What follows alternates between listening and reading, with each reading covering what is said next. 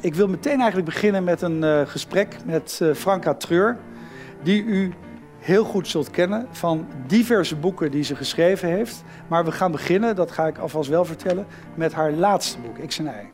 Wil je komen, Franka? Ja, als je wilt.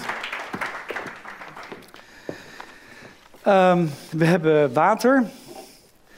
Dat is een goede keuze. Dus alsjeblieft. Um, Dankjewel. Franka, uh, meteen met de deur in huis. Uh, dit is een bundel met verhalen. En uh, ja, tegenwoordig is het zaak om, als het om literatuur gaat, te tellen. Dat is een merkwaardige hobby. Maar in dit geval levert het iets op. Het zijn 33 verhalen. En ik kan het dan toch niet nalaten, gezien jouw bijbelvaste achtergrond, om te denken aan ja, de leeftijd van Jezus en zo, 33. Heb je er echt aan gedacht? Of? Nee, ik had er 35 gewild, maar dat kon niet, want het zijn uh, katernen van uh, eh, 36 bladzijden, geloof ik. En er zijn precies drie katernen. En dan, nou ja, goed, kon er niet nog twee extra verhalen in. Ik ben dus, aangenaam verrast door je verhalen. Ik vind ze heel mooi. Het zijn ten beste proza-gedichten, uh, zoals ik net ook al je heb verteld bij onze ja, ontmoeting. Ik, wist ik al. Uh, dat wist je zelf al, want je hebt ze gemaakt. Maar um, uh, wat ik toch wel aan je wil vragen, je hebt natuurlijk enorm succes gehad met je debuutroman. Dus je kunt wel een potje breken bij een uitgever. Maar in dit literaire klimaat is het heel moeilijk om verhalenbundels uit te brengen. En toch kom jij met een verhalenbundel die ook nog een succes wordt. Eh, hoe is dat gegaan? Nou, ik moest er heel erg voor praten, moet ik zeggen. Want mijn uitgever zag er helemaal niks in. Nee? Nee, want hij zei dat kun je ook helemaal niet verkopen aan de boekhandel. Dus hij had ongelijk? Nou, in zekere zin. Ja, is goed om vast te stellen. nou ja, het is natuurlijk ook een experiment, want uh, op allerlei fronten. Maar het is, het, ook nog, het is ook nog geïllustreerd. En dat boeken met plaatjes voor volwassenen, dat is helemaal raar. Dus hij zei van, ja, wat is dan het plaatje? Nee. En... Uh, dat, dat, hij zei, ja, dat moet het, dan wordt het duur. En dan, uh, ja, hij zag, hij zag, er echt helemaal niks in, maar hij deed het voor mij. Dat is heel mooi. Het is ook gebonden uitgegeven, over duur gesproken. Dat kost natuurlijk ook een lieve duit. Ja, daar is over nagedacht, want dan was het, uh, dan moest het, was het een soort kleinoot voor de, men, voor de echte fans. Maar die echte fans, dat zijn er inmiddels al. Het boek doet het heel goed. Dat zijn er al heel veel. Hè? Ja, ik weet niet hoeveel precies. Nou, dat maar... hoeven we ook niet te weten nee. natuurlijk. Hoe het zijn ook verhalen die je in NRC Handelsblad publiceert. Ja, uh, er hebben 19 van in, uh, in NRC gestaan. Eentje die zou erin komen, maar die was vanwege het, het klimaat kon dat niet, want dat ging over moslim worden en dat vonden ze niet zo niet een goed idee om daar een verhaal over in de krant te zetten. Maar hij staat wel gewoon in het boekje. Mijn maar, uitgever durft het wel aan. Maar, maar, was het een positief verhaal van jihadist of zo? of, nee, dat wil ik toch wel weten. nee, het ging over hoe makkelijk je moslim kon worden. Oké. Okay. Zal ik hem anders voorlezen? Het is heel kort. Graag, kan ja, het, ja. Je hebt het zo uit. Uh. Het verhaal dat NRC niet wilde plaatsen, dames en heren. ja, dat is vrij lullig eigenlijk. Want die, die krant moet ik te vriend houden. Want, nou, nee. die kijken toch niet. Het is trouwens allemaal te volgen later via het YouTube-kanaal. ja, dus ja. Daar heb je het al, ja. Het is een goede krant, moet hem lezen. Ja, uitstekende krant. Makkelijk. Corine en Mo zijn nog maar kort samen. Het echte gesprek over het geloof hebben ze nog niet gevoerd, maar Corine heeft sterke vermoedens dat Mo wil dat zij moslim wordt. Hij is blij dat ze katholiek is en niet helemaal niks, maar als het tot een huwelijk komt, zal ze er waarschijnlijk aan moeten geloven. Voor haar is dat niet zo belangrijk. Ze denkt dat ze het wel voor de liefde over heeft. Al vindt ze eigenlijk dat ze katholiek moet kunnen blijven. Er is toch maar één God, zei ze laatst. Dat geloof jij toch ook? Ja, had hij geantwoord. Dan hebben we dezelfde. Dat dacht hij ook wel, maar Corine voelde dat hij daarover bleef nadenken, ook toen ze al lang de tafel hadden afgeruimd en hij zich alweer ging wassen om te bidden. Dat wassen vindt Corine stiekem best fijn. En ze heeft ook helemaal geen probleem met het bidden. Ze moet alleen zorgen dat ze niet per ongeluk in de lach schiet. Hoe word je dan moslim? vragen haar vriendinnen. Oh, dat is heel gemakkelijk, zegt Corine. Makkelijker dan bijvoorbeeld joods worden. Je hoeft alleen maar twee zinnetjes uit te spreken. Er is maar één God en dat is Allah. En Mohammed, Mohammed is zijn pro. Ze stopt. Nou ja, je snapt wel wat er daarna nog komt, zegt ze. Ik ga dat laatste woord niet zeggen, dan ben ik het. Mooi. Ja. Um, hoe kwam je aan X en Y? De titel? Ja. Dat begon eigenlijk een beetje als experiment. Van hoe, hoe, hoeveel kun je schrappen uit een verhaal, terwijl het dan nog wel een verhaal blijft. Dat er nog genoeg overblijft dat het echt een verhaal is. En uh, ik had ook het idee, um, maar dat, ja, dat werd uiteindelijk te ingewikkeld. Maar ik had uh, altijd het gevoel dat mensen zoveel in een, uh, aan een karakter toeschrijven.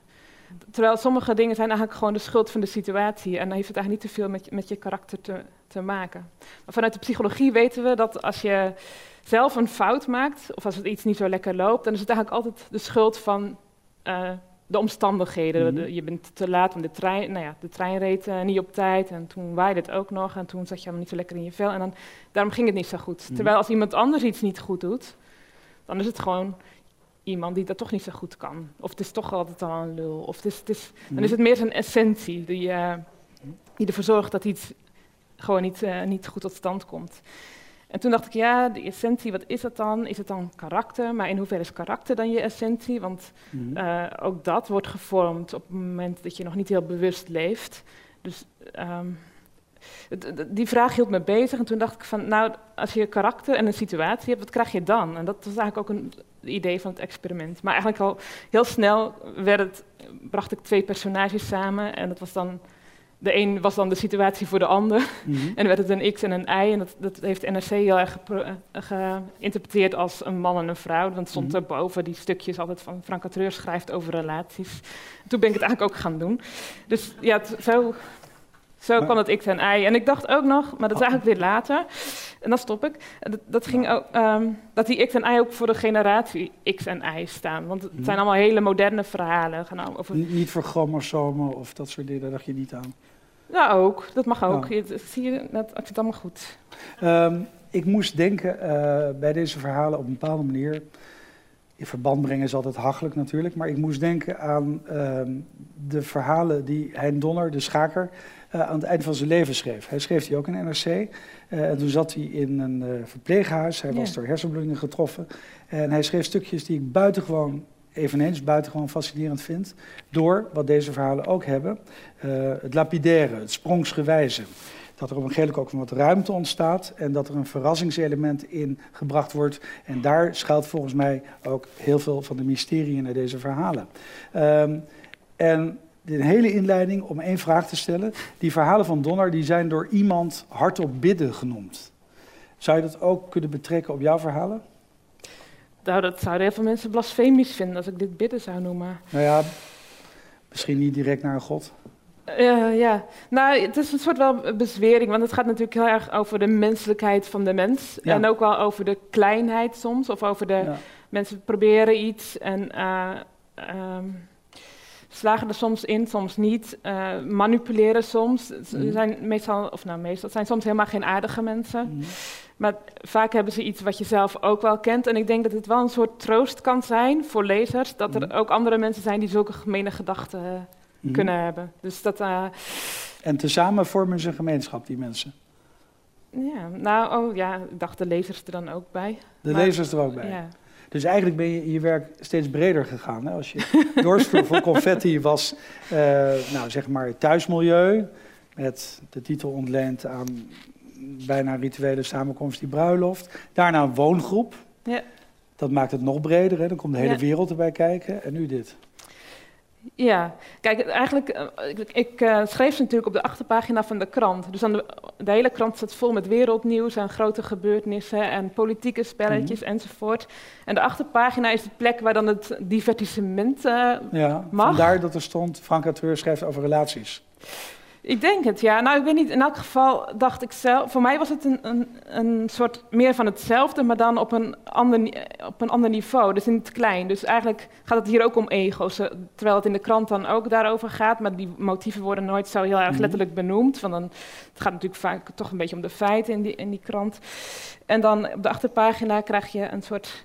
ehm, nou ja, meer psychologische benadering van Mhm. al die dingen. Mhm. Ja. Eh, het goede nieuws is dat je doorgaat hè, hiermee. Ja, eh, in de NRC Next staat nu elke maandag een, eh, een stuk met ook de tekeningen van Olivia Ettema erbij. En het blijft Ja. dezelfde titel. Ja, het heet ook gewoon X en Y. Heb je een soort grens voor jezelf bepaald tot waar je gaat? Hoeveel verhalen? Ja, hoeveel verhalen? Nou, um, Olivia en ik willen eeuwig doorgaan, maar het is de vraag of, uh, zowel, of, de, of de krant en de uitgever dat ook willen, maar, en of de mhm. mensen erop zitten te wachten. Maar en die uitgever die gaat nu natuurlijk aan je vragen van, ja leuk en wel, maar je werkt nu ook aan een roman. Ja, en dat leidt er wel een beetje onder, want die, die verhalen in de krant, die, die moet ik nu wekelijks aanleveren en die moeten ook weer net iets langer zijn dan ik gewend was, want vaak hangt de lengte bij mij af van wat het verhaal nodig heeft. En dan mhm. ineens een vaste lengte is dan weer een hele nieuwe uitdaging. Maar goed, dat, dat, daar leer je heel erg van. En ik vind het heel fijn om naast zo'n boek nog dit te hebben lopen, omdat je dan dingen die je. Kijk, als je schrijft, dan kan je bijna alles wat je opvangt en zo wel. Dat, dat, dat, kan je soms in het kader plaatsen van je schrijverschap. Of mhm. dat, dat, dat komt, heeft een plek in je manuscript. Mm Maar heel vaak past het niet. En dan kan ik er toch iets mee. Dus iets wat je bezighoudt, of iets wat je opvangt, of iets wat, wat of een gedachte die je hebt en waar je niet helemaal van loskomt, die, die kan, daar kan je toch iets mee doen. En dan kan het in een verhaal en dan ben je ook, ben je ook mee klaar. Dan is het, ja, eh, Het, eh, het, fascinerende is, van deze verhalen is dat ze met minieme zetten eigenlijk een hele wereld oproepen. Dus in feite schrijf je dan een roman per week, maar dan teruggebracht tot dit formaat. Precies. En dat is natuurlijk heel moeilijk als je nog een grote, conventionele, forse roman uh, daarnaast moet schrijven. Ja, ik had, hem, ik had mijn document ook al een tijdje niet geopend. En dat heb ik nu dus de afgelopen week wel weer eens gedaan. En een, toen... een document of op de computer, neem ik aan? Ja, ja, dat zei ik. Je zei, ik heb een document geopend? Ja, dat document op de computer waar, nou, van mijn derde roman. Ah. En dat vond ik ook allemaal best wel langdradig. Dus het is, dat is wel waar, dat je op een gegeven moment denkt van... Uh, kan sneller, kan, kan wat uit. Ja. Kunnen het niet een beetje terugbrengen tot de essentie. Ja. ja. Um, er is over je gezegd dat je uh, in recensies is er beweerd. En er is ook een site waarin al die recensies eigenlijk uh, op een metaniveau worden gerangschikt en in een bepaalde orde worden gebracht. Vandaar dat we dat allemaal kunnen weten. Uh, dan is er beweerd dat je dan reageert eigenlijk per boek op het vorige boek. Als je een tweede boek schrijft, zoals de Woongroep, dan wordt dan beweerd dat jij uh, nu een wereld schetst zonder geloof. Als je deze verhalen schetst, dan wordt weer gezegd van nou, uh, ook dat zou weer een reactie zijn. Zie je zelf zo als schrijver die nou, constant iets anders wil doen uh, dan het voorgaande? Wat, wat, werd dan over dit gezegd? Wat was de reactie op? Over, over, dit boek werd dan gezegd dat jij ehm, volgens mij minder van één situatie wilde uitgaan, als ik het goed onthouden heb hoor. Want dit is allemaal maar Ik ken de analyse niet. Ja. Nou ja, weet je, die, die verhalen die begonnen in 2010. Mijn debuut is van eind 2009. Um, ehm, ik weet niet of het een reactie is op wat dan ook, maar in elk geval uh, waren het verhalen waar ik mee bezig was en waar ik iets um, die me toen bezig hielden, of die me nu bezig. Nou ja, dus, dus um, het zal ongetwijfeld ook een reactie kunnen zijn, maar niet zo heel bewust. Ik ben niet zo heel bezig met uh, van nu wil ik dan dit, want dat verwachten ze niet of zo. zo was, nee, dat was het niet. Het is meer, ik, ik had dat materiaal en dan kan ik het niet laten om er toch iets mee te doen. Ik kan heel, heel slecht weggooien. Mm ja. Is daar misschien een mythe uit voortgekomen dat het allemaal restmateriaal is van eerdere boeken? Ja, waarschijnlijk. Ja, dat is dus niet zo. Nee. Op, opgewarmde prak. Opgewarmde prak, tweedehands. uh, wil je uh, een verhaal lezen? Ik ga natuurlijk niet verzoeknummers doen, dus ik ga niet aan je vragen of je dat ene verhaal over dat meisje dat haar nieuwe vrijer ontverwacht en dat nog snel iets doet, want je weet nooit of die drie kinderen ook meekomen in dat huis met die vrijer. Ik ga ook niet vragen of, die, uh, of je dat verhaal gaat voorlezen over die theologisch, dat meen ik, hè, die een soort vaste tegenstrever heeft in debatten. En op een gegeven moment is die tegenstrever ziek en dan zit hij uh, met iets dat hij moet oplossen, want het is een lucratieve handel om met die man constant in debatten te gaan voor woedende zalen. Welk verhaal ga jij kiezen? Slacht. Ga ik even op het puntje van mijn stoel zitten, want dan komt het er beter uit. Dus um, eigenlijk gaan alle verhalen meer over de stad en over het moderne leven. De, deze gaat over het platteland. De boerenzoon die met zijn gezin op het dorp woonde, had ingestemd met de aanschaf van een kwart van een koe. Hij en zijn vader beschouwden het beoogde beest niet als koe, want ze nam geen kalf op. Ze zou dus nooit van haar leven melk geven. Daarom had de boer het dier bestemd voor eigen gebruik. Zelf hield de boer de helft van het vlees, wat vrij veel was voor twee personen, maar zijn vrouw kon het niet laten om aan deze of gene stukken vlees uit te delen, met name de in schijven gezaagde poten met merg om soep van te trekken. Het laatste kwart zou naar zijn zwager gaan. Toen de slager opbelde dat het dier was geslacht en dat het vlees bezorgd zou worden, maakte de boerin het blad van haar keukentafel steriel. Zij drieën, de boerin, de boer en hun zoon, namen plaats om de tafel en verdeelden het vlees uit de grote blauwe kratten in afgepaste porties. Gezinsporties voor de zoon en zijn vrouw en hun twee dochters, kleine porties voor de zwager en zijn vrouw en iets daartussenin voor de boer en boerin, beiden grote eters. Ze stopten de porties in diepvrieszakken, klipten ze dicht en schreven er met een marker kogelbiefstuk op en tartaar en lendelappen. Een kwart van al het gehakt was voor de zwager en de helft was voor de zoon, omdat zijn vrouw altijd graag werkte met gehakt. Zowel de zwager als de zoon hield niet van lever, dus de lever bleef in zijn geheel op de boerderij. En na een telefoontje naar de zwager gold het ook voor de tong. Eigenlijk was het telefoontje overbodig. De boerin wist al 100% zeker dat haar broer niet op tong zat te wachten. Maar dat gold niet voor de boer en daarom belde die toch. De zwager zei nog dat hij hoopte dat er deze keer veel rollade bij zou zitten. De boer antwoordde dat er drie rollades waren, voor iedere partij één. De zoon laadde het ingepakte gehakt en de rest van zijn kwart in de koffer van zijn Ford Focus en reed ermee naar zijn huis op het dorp. Daar droegen hij, zijn vrouw en hun twee dochters het vlees via de voordeur door het huis naar het schuurtje in zijn achtertuin. In het schuurtje stond een grote, splinternieuwe vrieskist. En ze namen de tijd om het vlees er op een handige manier in te leggen, met het gehakt waar ze zo van hielden bovenop. De buren kregen elke zak hachevlees. De buren daar weer naast ook, een kleinere zak. Bij een van hen lagen al een paar mergpijpen op het aanrecht. Ook de boerin was al aan haar uitdeelronde begonnen. Aan het eind van de dag had iedereen wat. Althans, de mensen met wie ze het meeste omgingen. De Afghaanse asielzoekers aan de rand van het dorp hadden niets, want ze waren geen kennissen van de familie. Het jaar erop zou de boerin hen, echter voor de zekerheid, ook wat mergpijpen brengen. Niet lang na de slacht was namelijk de vrieskist in het schuurtje van de zoon leeggehaald. Niemand had iets gezien, maar het hele dorp was het erover eens wie dat hadden gedaan. Mooi. Kijk. Dank u wel. Waarom koos je juist deze? Ik weet niet, die, die leest heel lekker voor. Ja. Ja. Ja, daar valt weinig meer verder over te vragen. Hij leest inderdaad heel lekker voor. Um, Oké, iets anders is uh, die illustraties. Uh, waar je uitgever Skepsis jegens had om die op te nemen. Die een heel mooi samenspel aangaan, die ook heel mooi zijn.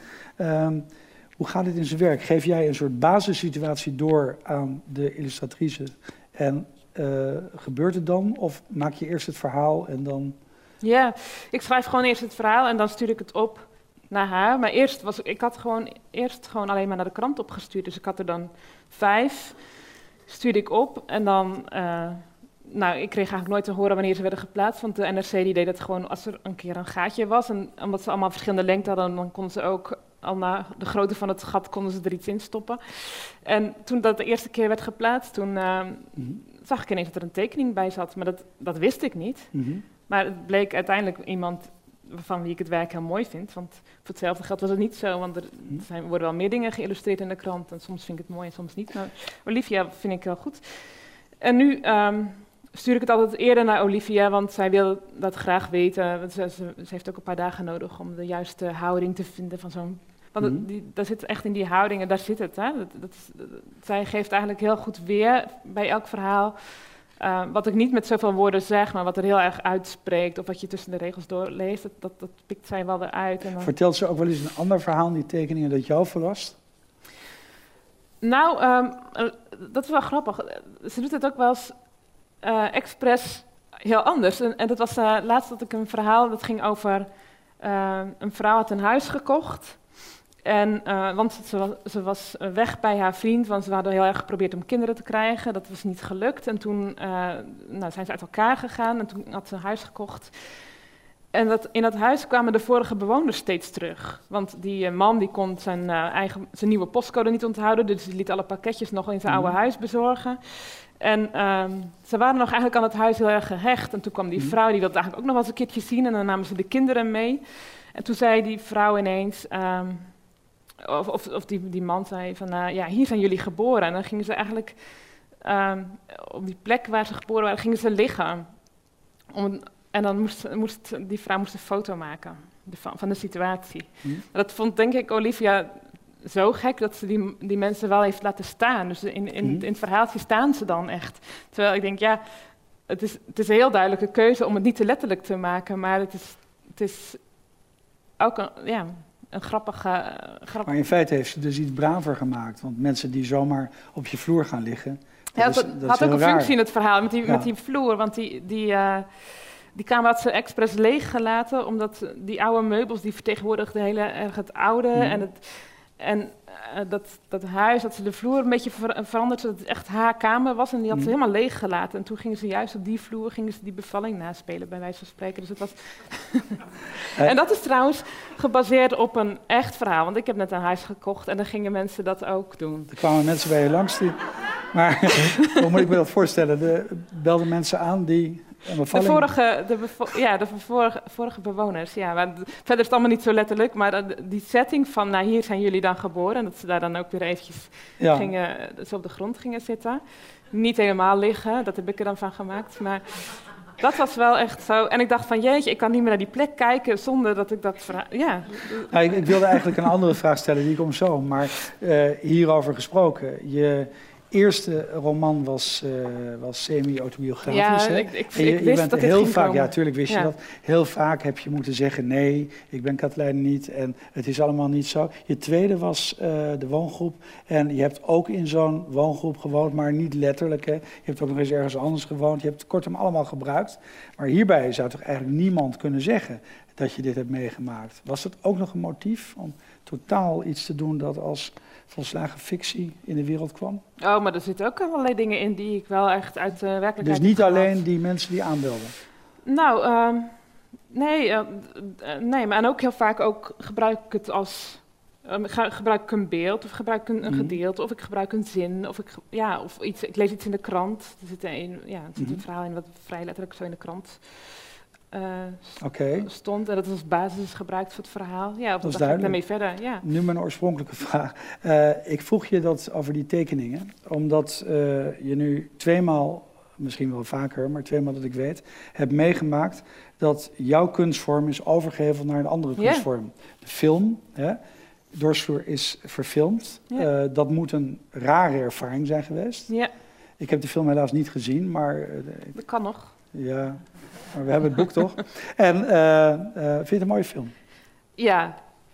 Ja, ik heb nooit zo volmondig ja gezegd, omdat dat schrijvers altijd wel wat te zeiken hebben. Maar het, komt natuurlijk ook omdat het, ja, zo'n zo'n boek, dat, zit, dat is, komt dan, het is echt van mij. En, dan, en het ging mij heel erg ook om de taal. En dan juist de dialoog in de film vond ik dan niet zo sterk. Terwijl het heel goed gefilmd is en ontzettend goed geacteerd. Maar de, ja, nou goed.